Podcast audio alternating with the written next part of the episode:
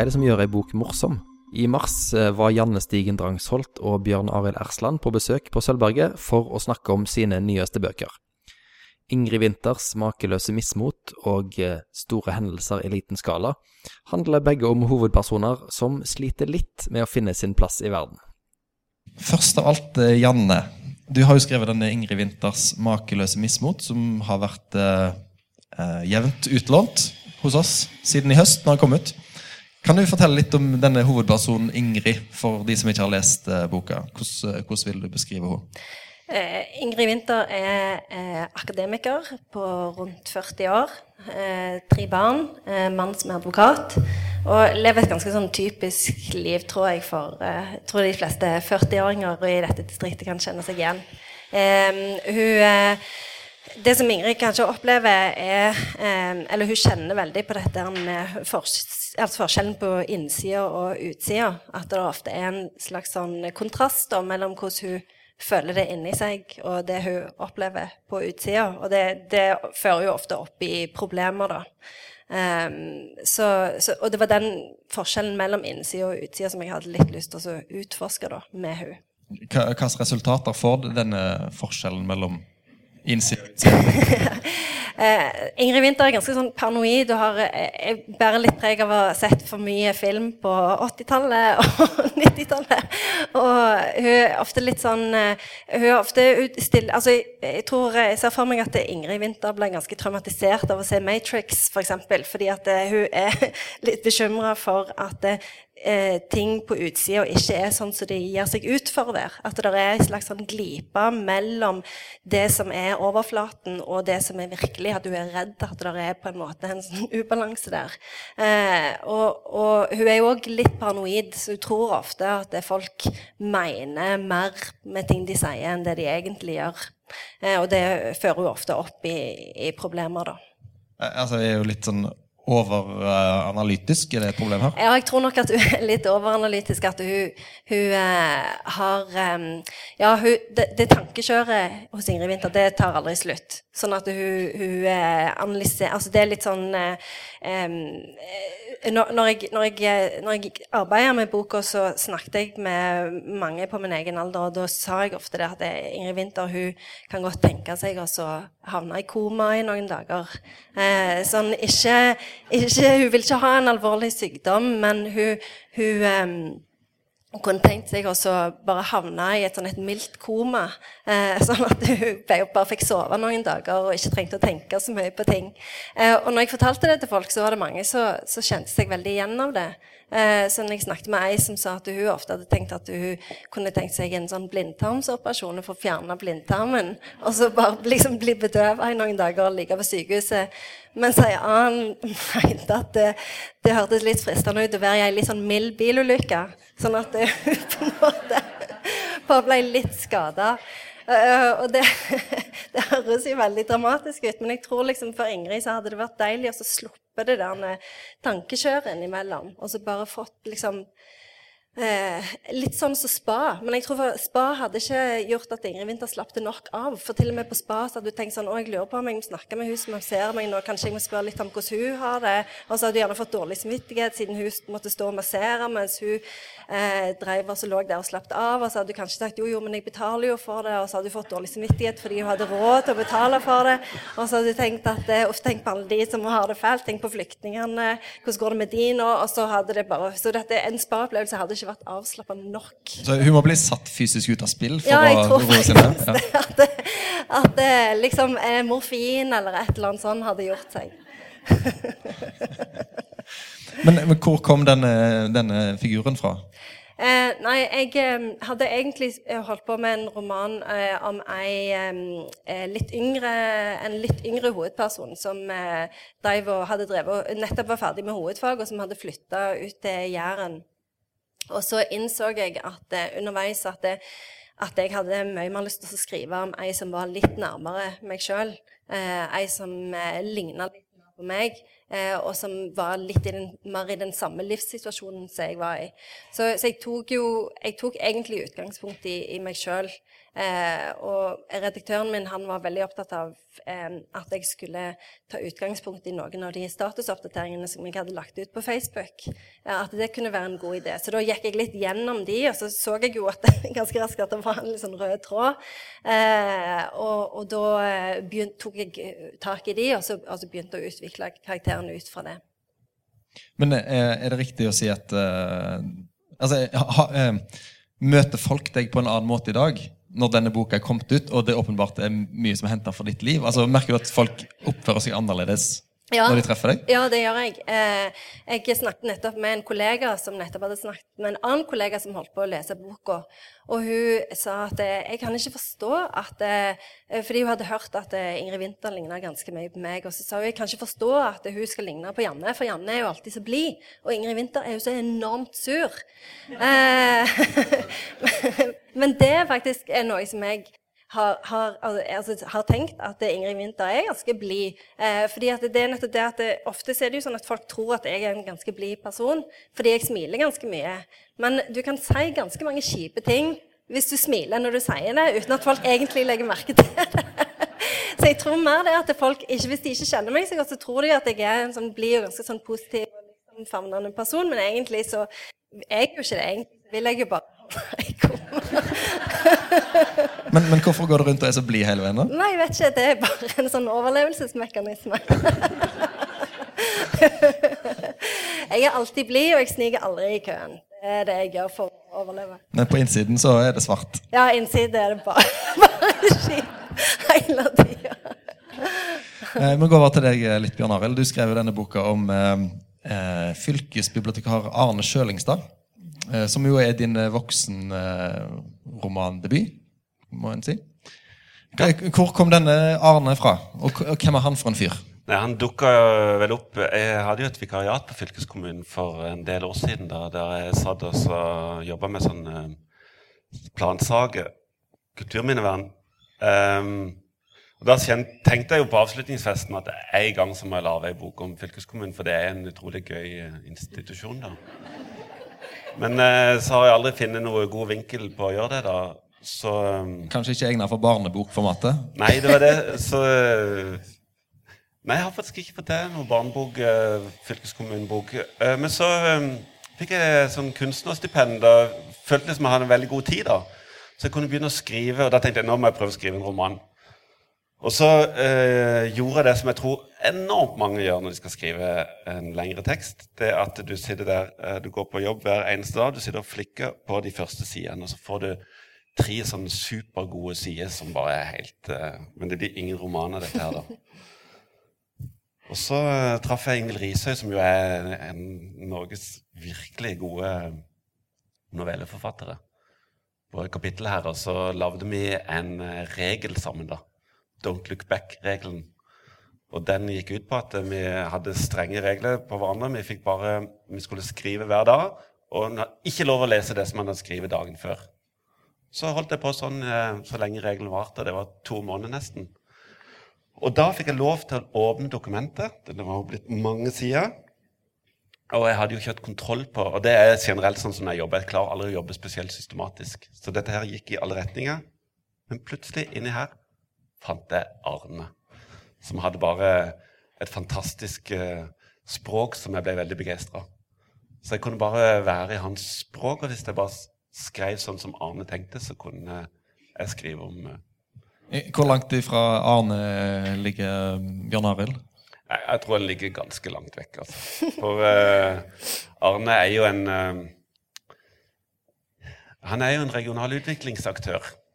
Eh, så han vil jo få til forandring innenfor det fylkes, fylkeskommunale systemet da, og drive med prosjekt og sånne ting. Eh, men han mangler jo en gjennomføringskraft. Altså. Det er jo for, for, dere som ikke har lest disse bøkene, så tenkte jeg vi skulle lese litt fra dem. Eh, begynner med deg, Janne. Du, leser, du kan jo forklare sjøl hva situasjonen vi skal gå inn i her. Ja, det er en eh, situasjon fra ganske tidlig i boka. Eh, nå er det jo sånn at eh, Ingrid Winther hun, eh, hun um, leide etter nytt hus. Eh, fordi de har kjøpt et hus som de mener er for lite. Så Derfor så er det ofte sånn at Ingrid Winther går inn på Finn og så sjekker litt hva som finnes der. Og dette huset får jo en ganske sånn sentral plass i boka etter hvert. Eh, men det, akkurat dette avsnittet her, det er fra når hun ser dette huset for første gang på Finn. da. De siste dagenes oppmerksomhet på lappekafé og au pair hadde ført til at jeg fremdeles lå etter med konferansepaperet slik at natten var over allerede klokken fem morgenen etter. Bøkene fra kontoret lå i en svær haug ved siden av laptopen og skulle åpnes så fort de hadde fått sjekket Facebook. Det var en automatisert handling som ble utført til tross for at nyhetslisten alltid og utelukkende bød på informasjon om bursdager, visdomsord av typen 'alle disse dagene som kom og gikk, ikke visste jeg at det var selve livet', samt bilder av barn og Starbucks-kopper. Jeg sendte en bursdagsgratulasjon og trykket like på tre tilfeldige innlegg, og gikk videre til en annen automatisert handling, nemlig finn.no eiendom, hvor det nå var 289 boliger til salgs. Som forventet bød også denne nettsiden på en skuffende blanding av andelsleilighet med stor balkong og ny, moderne enebolig med høy standard. Alt så likt ut. Alt var det samme hele tiden.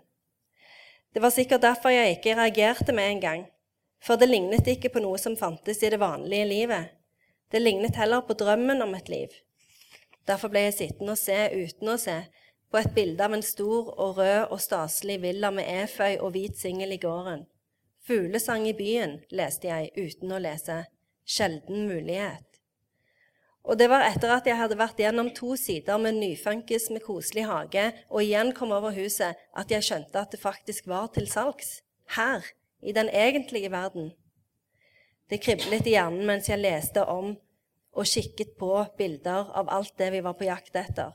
Kjellerstue, bodplass, soverom til alle, stor hage, kontor, spisestue, loft. Dette huset hadde til og med ting vi ikke visste vi lette etter, som engelsk peis, lysekroner og fugletapet. Jeg klikket meg gjennom bildene igjen og igjen, helt til en søvntung Bjørnar kom inn på kjøkkenet. Se, sa jeg og vinket ham bort til meg med en bevegelse som føltes mildt hysterisk. Se! Bråkmakergata! Og akkurat idet jeg uttalte ordene, skjønte jeg at de var sanne.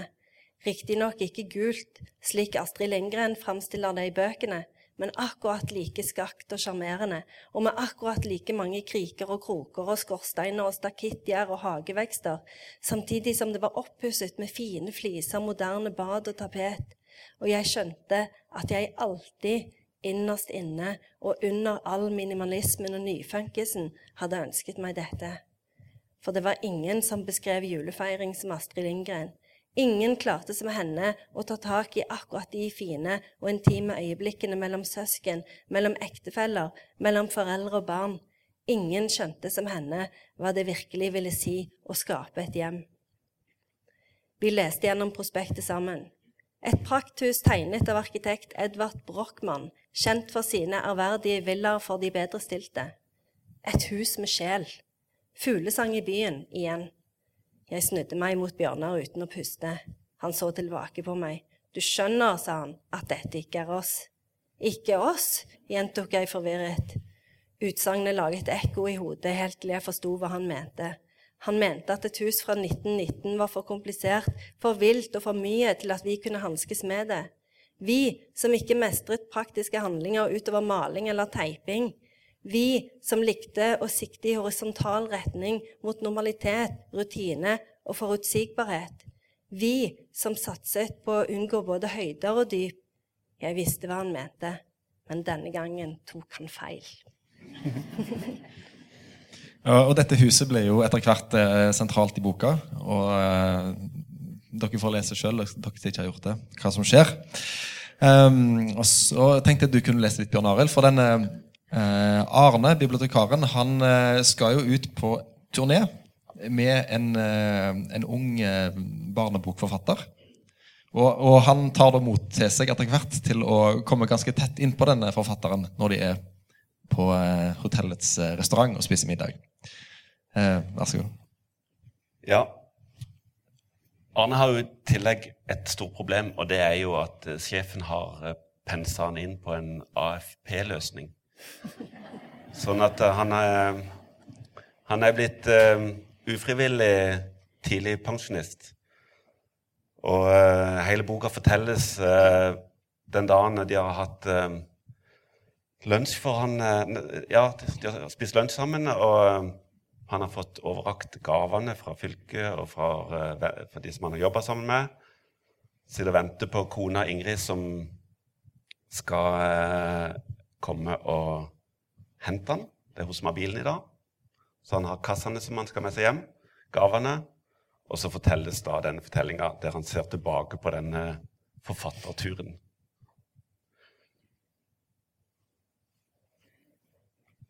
Fylkeskommunen har altså spandert middag på denne barnebokforfatteren, og de sitter nå nede i spisesalen. Ølmenyen var et innslag Line satte pris på. Flere av ølsortene hadde virkelig kreative navn. Alle med en mer eller mindre maritim vri. Det var et mørkt øl med hvitt skum som de kalte Spekkhoggeren. De lysere sortene hadde navn som Myrvann, Storflo og Kveitepiss. I løpet av kvelden rakk vi å smake oss gjennom hele sortimentet. Og mens noen var i kategorien av det jeg vil kalle eksperimentelle, var det andre som var virkelig gode. Middagen Lina hadde bestilt, var kobla til en eh, karamellpudding, og jeg fikk en kaffe på husets regning. Rundt oss i spisesalen satt en gjeng med pensjonister. Det er sikkert sånne grupper hotellet må invitere for å fylle sengene utenfor sesongen. Folk som har lite igjen av livet, men likevel et overskudd av tid. Nå må de gamle finne på, tenkte jeg. De kan jo ikke sitte på kafé hele dagen. Og så får de tilbud om sånne subsidierte reiser ut i distriktene. Servitøren eh, tok stadig en runde med kaffekanna. Pensjonistene hadde tydelig fått med seg at kaffen var gratis, og det var opp med koppen. Det ble til at jeg holdt eh, opp koppen sjøl når han passerte. Og I tillegg til kaffen fikk jeg smaken på kveitepiss. Ja, Det var jo et artig ølnavn, og friskt i smaken og lettdrukken. Tabben var at jeg flere ganger måtte ut på do, og samtalen var jo så interessant at jeg strengt tatt ikke hadde tid til sånne avbrudd. Vanligvis så har jeg i sånne sammenhenger begynt å styre inntaket litt mer bevisst, men denne kvelden glemte jeg meg helt bort. Ja, det gikk om hverandre med kaffe og øl og stadig avbrudd hvor Line ble sittende ved bordet og vente. Vi var innom atskillige tema. Det var familie, religion, studie, bibliotek og det livet lokalbefolkninga lever her ute på øyene.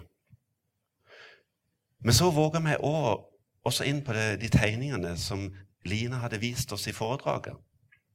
Ja, disse damene med hengepupper, stritt hår og mannfolk som går rundt med slapp tiss og lave skuldre. Ja, hvor henta hun inspirasjonen til å skape sånne karakterer? Jeg hørte meg sjøl spørre om de mest intime detaljer. Ting jeg hadde tenkt på under foredraget, men som jeg uten atskillig mengde kveitepiss ville latt ligge. Jeg bruker ofte meg selv når jeg skal tegne figurer, betrodde hun. Ja, men du er da mye flottere og finere enn de figurene vi ser i bildene dine, sa jeg. Ja, det er ofte slik jeg føler meg, og da er det fint å få tegnet ut av kroppen, sa hun. Det ligger en slags renselse i å tegne tingene fra seg. Men hvordan tør du å være så personlig, spurte jeg. Ja, Hva sa din mor da hun så tegningene hvor du beskriver ganske inngående sexscener? Nei, det gikk helt fint. Jeg forsøkte å forklare mamma at eh, det var en god del diktning i boka. Ja, men, ja, men den scenen fra kanoturen I presentasjonen din kunne det høres ut som om den var sjølopplevd. Jeg tror jeg må gi deg det samme svaret som jeg ga min mor, smilte Line. Da merka jeg plutselig hvordan jeg rød- rødma helt ut i øreflippene. Hva var det egentlig jeg hadde spurt om? Har du hatt sex i en kano? Ja, kunne jeg stilt et sånt spørsmål til en jevnaldrende dame? Hva er det med, dam med ungdommen som gjør at jeg i en sånn sammenheng våger å lede samtalen langt, langt utenfor min egen komfortsone? Det er ikke engang sikkert at hun opplevde spørsmålet som ukomfortabelt. De unge er ikke like sjenert som oss. Dette har jeg null erfaring med. Ja, hadde Anne, min datter, kommet hjem med en detaljert tegning fra eget sexliv Jeg vet ikke hvordan jeg ville takla det. Jeg aner ikke om hun har hatt eh, seksuell omgang med menn. Jeg kjenner henne ikke på det området. Men kanskje ikke er problemet knytta til det unge generasjonen snakker for åpent om denne type ting. Muligens er vår generasjon så altfor lukka. Det er jo ingen grunn til at en slike, slik viktig del av naturen ikke skal kommuniseres. Ja, Det er dette i bunn og grunn jeg har vært opptatt av hele livet. Kommunikasjon. Hvordan naturen snakker. Og i den seksuelle akten ligger det egentlige livets språk. Det språket som skaper livet. Hadde ikke mennesker kunnet kommunisere med kroppene, ville vi jo vært en udødd rase. Det er ikke samtalene eller litteraturen. Det er ikke de som gjør at vi eksisterer. Nei, den kjønnslige kommunikasjonen som hele tiden redder oss. Jeg, må spørre om hvordan dere fant fram til disse persontegningene for deres. For eh, en, en, god venn av meg han eh, har en livsvisdom som er det at alle har godt av å bli rista litt av og til. I hvert fall sånn eh, mentalt. Bli tatt liksom og rista litt sånn. Og det fikk jeg lyst til når jeg leste disse her. Begge de to fikk jeg lyst til å bare riste litt sånn og be de om å ta seg sammen. Er det eh, tilsikta virkning? Ja, altså det er jo eh, det er en kjempevanskelig altså Det har vært en utrolig vanskelig bok å skrive dette her. fordi at eh, du skal liksom ut på akkurat den der kanten der du skal riste. da. Og så er jo problemet her at i min bok så er det jo han jeg-fortelleren som forteller. Så du skal jo, leseren skal jo på en måte få lyst til å riste han uten at han sjøl skjønner at han bør ristes.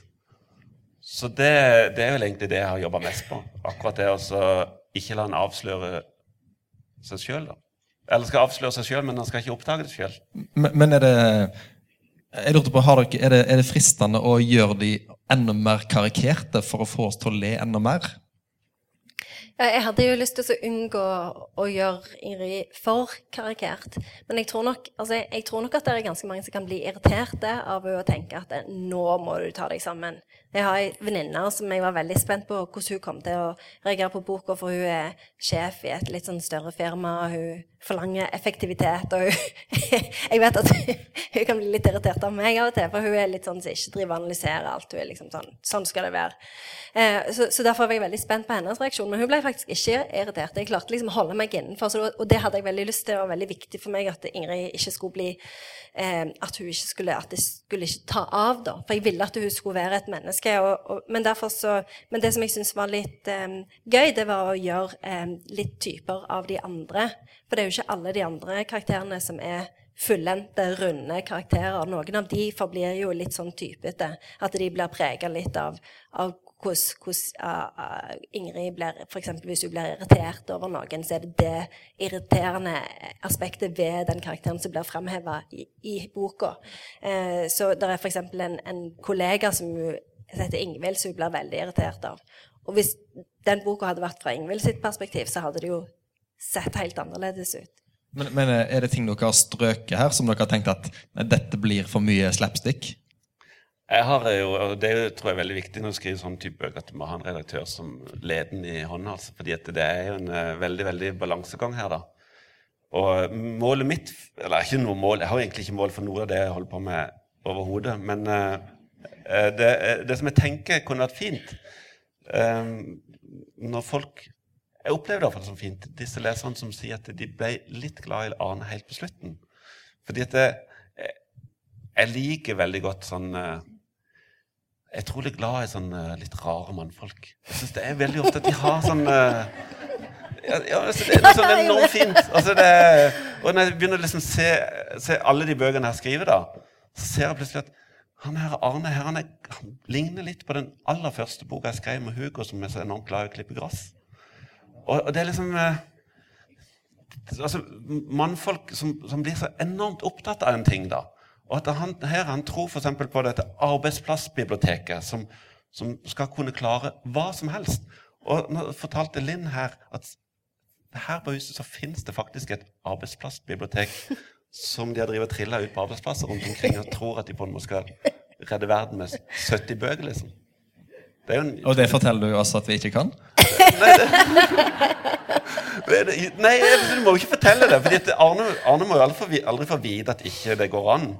For det er jo Det er jo enormt fint. Og det er jo det som er veldig mye Jeg opplever det veldig ofte når jeg har reist mye rundt på turné rundt omkring. Og det har vært arrangementer og sånt, og du kommer og skjønner at her er det bare to mennesker. Og bibliotekaren har nettopp hatt kurset i hvordan du skal få en projektor til å virke. Og hun kommer halvveis i kur kurset, så det blir veldig mye sånn eh, Det går mye på halv åtte, men det er veldig fint, altså. Dette var en veldig fin overgang, for nå har jeg en liten oppgave til deg. Eh, vi må først få den prosjektoren til å virke. Eh, ja, den, det får vi gjort nå. Og så eh, er jo denne Arne han er jo en mann med store fylkeskommunale vyer. Så jeg trenger at du blir Arne nå, eller at du kanaliserer din indre Arne. For jeg har vært på researchtur, nemlig. Bare vent litt.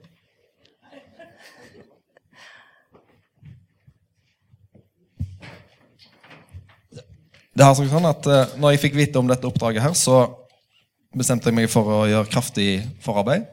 Så i forrige uke var jeg i Kristiansand, på fylkesbiblioteken i Agder sin samling. Jeg er veldig, veldig nervøs. Dette er helt sant.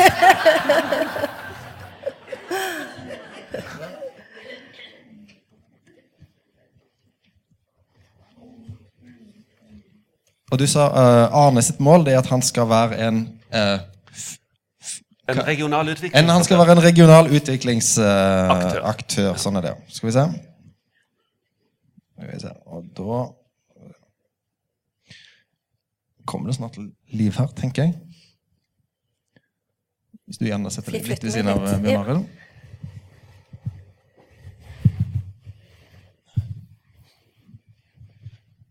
Eh, Dette var da på et møte i eh, Hotell Caledonien i Kristiansand. Eh, Der Ved inngangen til kurslokalet sto denne her store sånn roll-up, som det heter, en sånn plakat. Eh, For dere som ikke ser det bak her, så står det altså øverst Fylkesbiblioteket. Og så er det bilde av et, eh, et lønneblad, tror jeg det. Noe sant? Dette her er jo enormt i Arnes ånd. For Dette er i Arnes ånd, Perfekt. Og så helt nederst her så står det 'En drivkraft for utvikling'. Så er, er det du som har gjort frilansarbeid for uh, Fylkesbiblioteket Agder, eller eh, jeg er enormt imponert fordi at uh, dette store prosjektet som Arne tror han skal eh, berge Fordi at han er jo uh, ufrivillig pensjonist. Han skal klare å berge eh, karrieren videre med å frilanse. Og han har da drivet og skrevet en del dikt. Ja. Og det er jo det prosjektet som han har så enormt tro på, sammen med denne eh, Line som kan tegne. Og de skal lave... lage akkurat sånne uh, roll-ups-forestillinger. For det, det hadde han i 2002 under uh, prinsessebryllupet. Eh, så da lagde han uh, under temaet prinsesse, så hadde han masse forskjellige sånne eh, ja. Så jeg er jo redd for at de har stjålet rett og slett eh, mye av ditt tankegods her. I, i denne roll-upen. Så en ting til. Og han, Arne har jo òg et, eh, et mål om at han skal lage nye brosjyrer for fylkesbiblioteket. Det skal også berge livet hans etter uh, i AFP-alderen. sant? Ja. Det er en del av greia. Og det har de jo gjort i Agder. De, de spretta en fem-seks kartonger med fylkesbibliotekbrosjyrer. når jeg Nei. var der. Jo.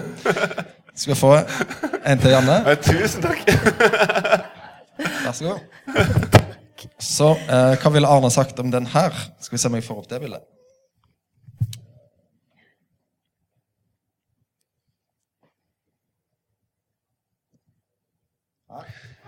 Der har vi Fylkesbiblioteket i Agder sin eh, egen brosjyre. Her har du en eh, gutt, kanskje 20 år, med sånn Kvikk Lunsj-lue som ligger på en madrass. Og så kommer det to unge jenter og legger seg veldig tett inntil han fordi han leser Stephen King. Og så står det til høyre her et sted å være, et sted å lære, et sted å oppleve, et sted å låne, lese eller skape, et sted å møte seg selv og andre. Arne, hva, hva ville Arne sagt?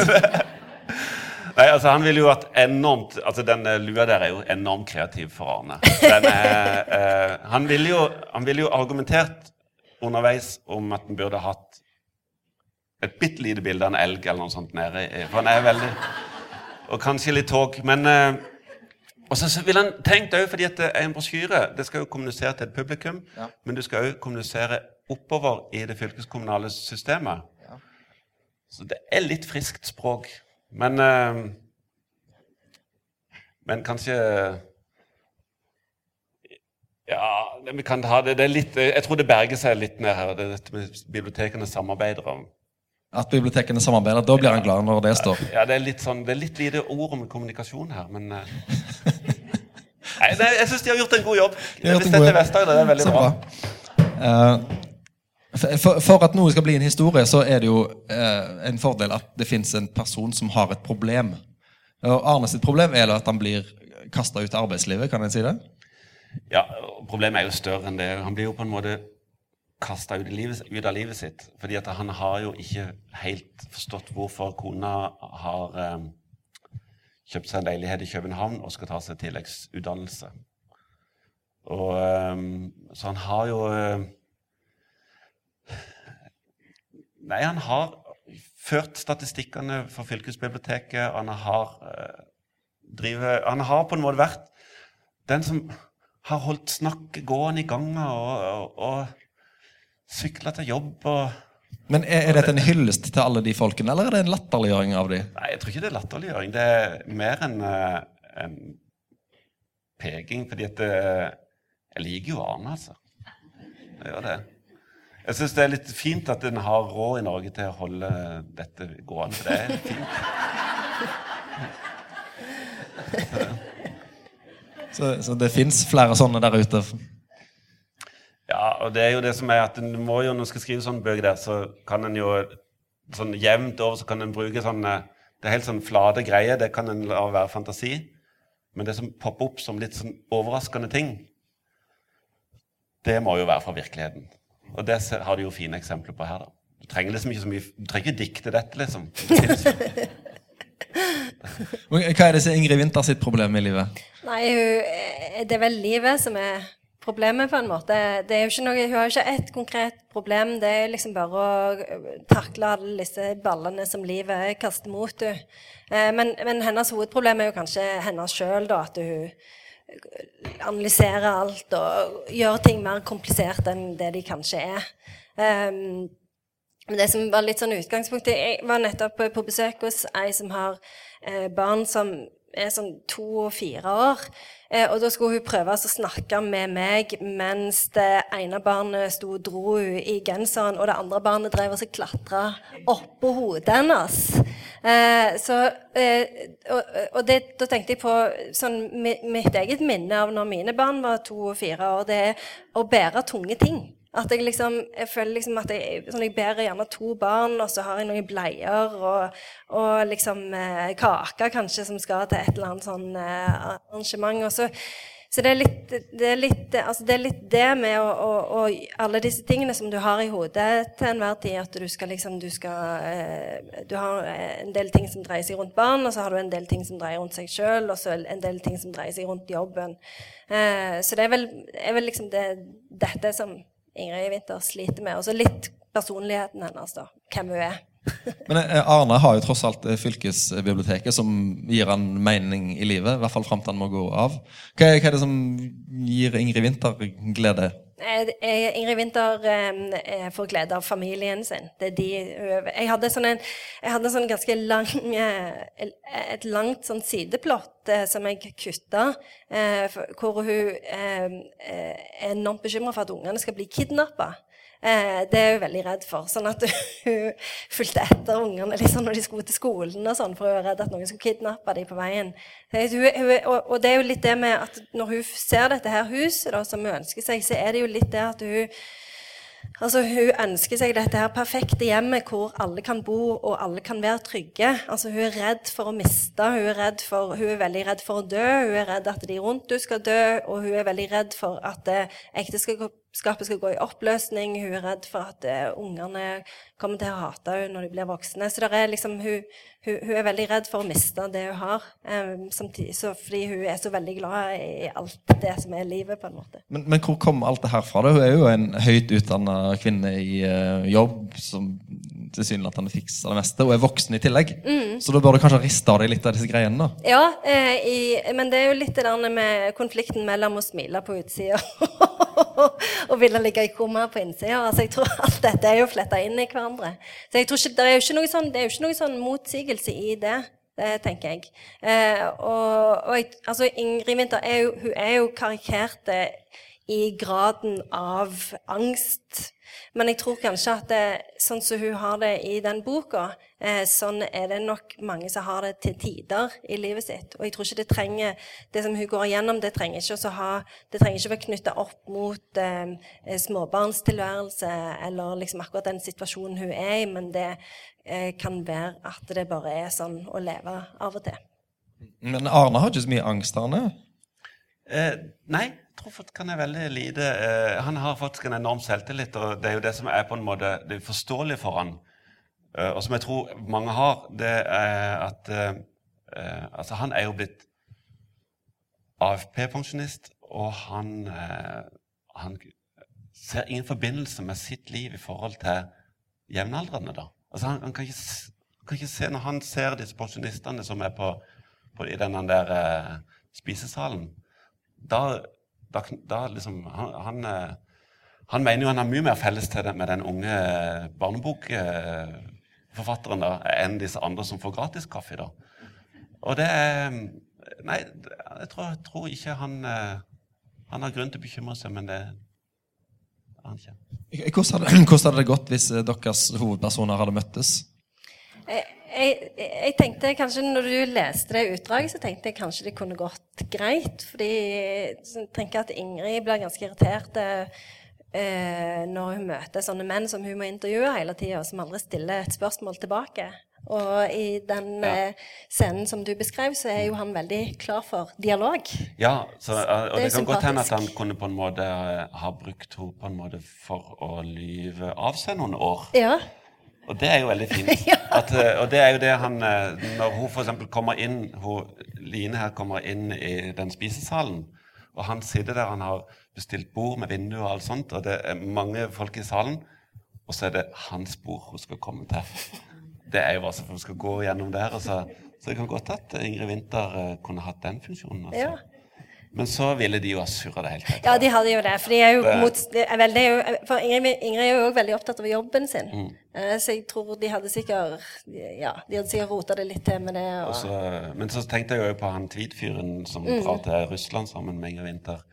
Eh, først så tenkte jeg jo, som jeg sa i stad, at de, de hadde jo litt felles, da. Men jeg tror egentlig jeg tror det hadde skjært seg helt faktisk allikevel. Så det trekker tilbake. Jeg tror ikke Mm. De ville trivdes. nei, nei. Det hadde nok endt opp med at han eh, gikk av gårde med han i tweeden, og så Ja. gikk Ingrid av gårde med hun Men. Arne ville jo ha vært et funn for å knytte universitetet i Stavanger til Russland og bygge opp en del uh, forbindelser der. Så der kunne det bli mye sånn roll-ups-utstillinger og hva som helst, altså. Eh, vi, vi må snakke litt om, om humor generelt i litteraturen. Eh, Harald Eia har jo annet sagt at eh, komedie har en lavere rang i norsk skjønnlitteratur enn i engelskspråklig. Janne, du er jo en eh, autoritet på eh, engelskspråklig litteratur. Er du enig i den vurderingen? At, at humor ikke har så høy status Ja. i Norge? Mm, det er jeg. Eh, jeg var veldig inspirert av eh, David Lodge eh, når jeg eh, skrev denne boka. Han har jo skrevet mye sånn universitetsromaner hvor han gjør narr av hvordan det er å være ansatt på universitetet. og sånn. De syns jeg er veldig morsomme. Eh, og, og det er jo sånn i England at det er mye mer sånn større rom for altså Du har jo denne her tørrvittige humoren og denne sarkasmen som har dominert eh, britisk litteratur siden ja, 1600-tallet og, og, og før det. Så det de har en mye mer sånn rikere eh, tradisjon for å bruke humor i litterære klassikere. Da. Eh, og ja, sånn så alle disse romanene på 1800-tallet, sånn som Charles Dickens f.eks., det er jo mye humor der. Mens vi har kanskje et litt mer sånn eh, eh, snevrere syn på hva som er bra og høyverdig og god litteratur, da. Eh, så jeg tenker at, eh, at eh, eh, ja, at det rommet er kanskje litt større i britisk, i britisk litteratur. Men, men samtidig er det jo veldig mange samtidsforfattere i Norge som, som skriver alvorlige bøker som òg er morsomme. Eh, eksempel Ida Gazi Høyer syns jeg er en veldig morsom eh, eh, forfatter. Men hun tar jo opp veldig alvorlige ting i, i sine bøker. Ja, eh, jeg har jo ikke peiling for eh, Eller jo, men det, det, det jeg tenkte når jeg skrev, skrev den boka, her, var at jeg, jeg tenkte ikke at det skulle være gøy i det hele tatt. For jeg tenkte at um, dette er så vanskelig å få til at hvis jeg skal tenke på at det skal være gøy, da har jeg ikke sjans, altså. Fordi det er jo sånn eh, når du skriver sånn bok der, du bare liksom Du har bare nesetippen akkurat over vannet hele tida, og så må du bare prøve å komme deg i mål, da. Men dere merker vel hvis dere er på sporet av noe, noe morsomt når Jo, dere men, skriver? jo, men jeg er helt enig med Bjørn Arild, for det er kjempevanskelig. Og når jeg eh, hadde skrevet den ferdig, så var jeg litt sånn Jeg vet at jeg syns dette er gøy. Men så ga jeg det til redaktøren min, og han, han likte den òg. Syntes det var morsomt. Men han òg var veldig sånn Jeg vet ikke om noen andre syns dette er morsomt. Så da måtte vi liksom gi litt videre til noen andre i forlaget, og var veldig nervøse på dette her. Så det er jo veldig vanskelig. Altså, det er jo, men det er jo litt sånn det er jo litt den der eh, klisjeen om at du skriver om det som er veldig tett og veldig smått, og så er det universelt, og alle kan kjenne seg igjen i det. Eh, og, og sånn er det kanskje litt med, med humor òg, men det er jo ikke alltid. Altså, det, det er jo timing, og det er jo mye som skal klaffe. Jeg jeg har tenkt på det enda mer som sånn et um, Jeg har vært mest opptatt av dette som et sånn språkprosjekt. Fordi at jeg skal liksom eh, prøve å være i denne her eh, språket til denne her jeg-fortelleren, da. Så hvis jeg liksom bare eh, klarer å være i, i hans monolog, da eh, Helt til boka er ferdig. Så, så blir det gøy? Nei, eller det, da blir det i hvert fall ei bok. Og det er liksom hovedpoenget. og så øh, Og så er det jo veldig sånn øh, det, altså Totalt sett så er det jo gøy, for det er så enormt gøy å skrive roman. Det er bare sånn skikkelig, skikkelig gøy, da. Så det er gøy. Men øh, det er ikke sikkert andre syns det. Begge disse bøkene har en ganske åpen slutt.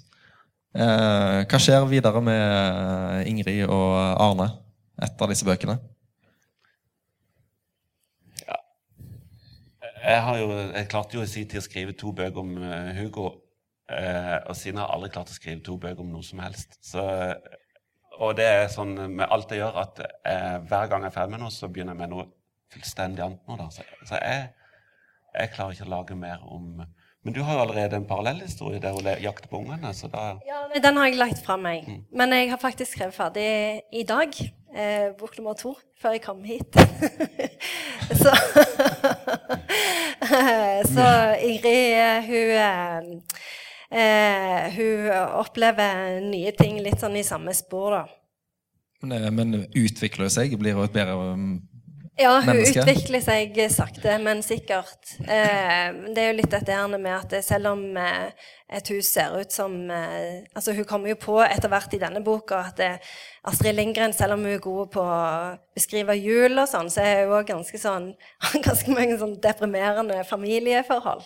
Eh, Ingrid blant annet på at eh, Astrid Lindgren har jo skrevet Mio min Mio, som jo ganske sånn dysfunksjonelle familieforhold.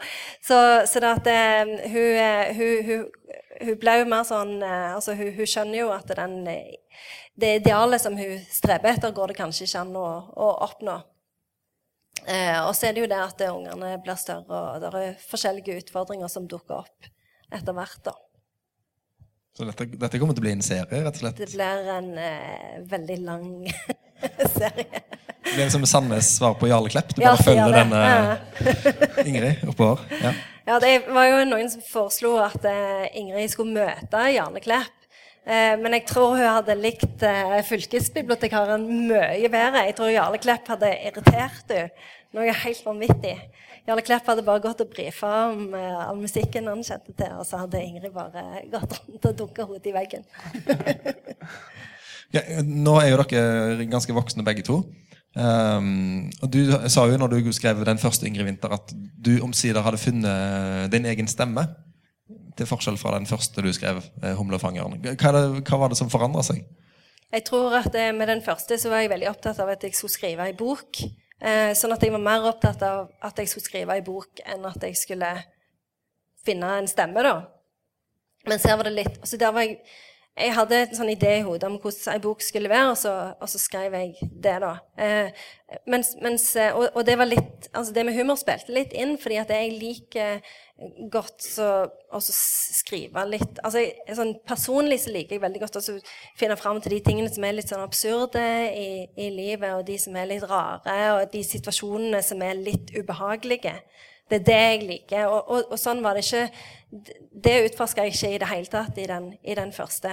Eh, mens med Ingrid Winther så, så, var det nettopp det jeg utforska. Altså alle de mellom, mellommenneskelige tingene som er litt ubehagelige eller rare eller underlige, og alle de tankene du har inni hodet som ikke stemmer med hvordan du oppfører deg på utsida. Og, og, det er det jeg liker. altså det Mellommenneskelige forhold det er det jeg liker å utforske, og kanskje på på komisk heller enn tragisk vis. da. Så eh, Woody Allen sier jo at er, alle fortellinger kan du enten fortelle fra et komisk eller fra et tragisk perspektiv. Og jeg tror at min stemme er mer det komiske da, enn det tragiske. Hva skjer med det i Bjørnar? Blir, blir, det mer eh, voksen eh, litteratur, eller blir det ja. mot barna? Hva, hva Først uh, skal jeg skrive ferdig to barnebøker som jeg holder på med nå. Og så er det jo um, liksom um, jeg har ikke funnet min stemme, men jeg har funnet min redaktør. Så det er jo å finne Det er det at uh, en her i byen har et forlag som der kan bruke Karl Ove Knausgård som redaktør. Det er jo en luksus som bare er, er helt sånn usannsynlig. Så jeg kommer uh, Nei, skikkelig Hva mye har han hatt å bety for uh, sluttproduktet? Nei, han er sånn en utrolig fantastisk leser som går på den der, eh, den uskolerte lesinga der en ikke snakker om sånne ord som ikke kan. sånn Syntaks og sånne ting. Men bare snakker om at der er det et eller annet. og sånt. Så bare peker han sånt, og så, og så går du inn og så sier ja, det er noe der. Og så sier han kanskje sånt, og så ja, og så gjør du noe helt annet. Og så plutselig, så, når jeg sender det tilbake, så sier han japp. sier han. Så det er veldig sånn eh, Det, er veldig rar det var en veldig flytende, men god forklaring. Ja.